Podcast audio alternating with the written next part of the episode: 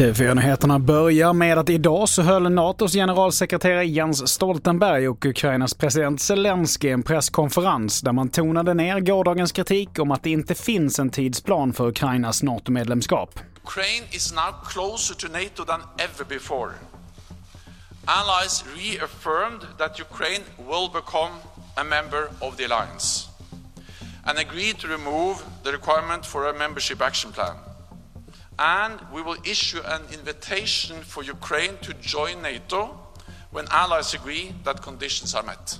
Vidare till Malmö där tingsrätten nu dömer en 29-årig man för ett större antal sexualbrott mot barn samt flera barnpornografibrott.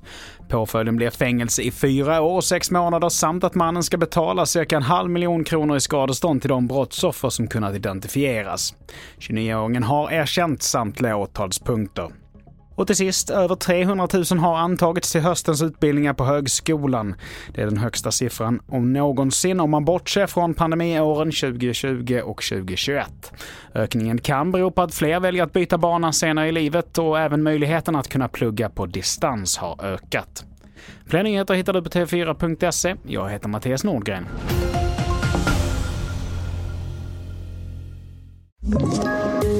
Poddtips från Podplay. I podden Något Kaiko garanterar östgötarna Brutti och jag, Davva, dig en stor dos skratt.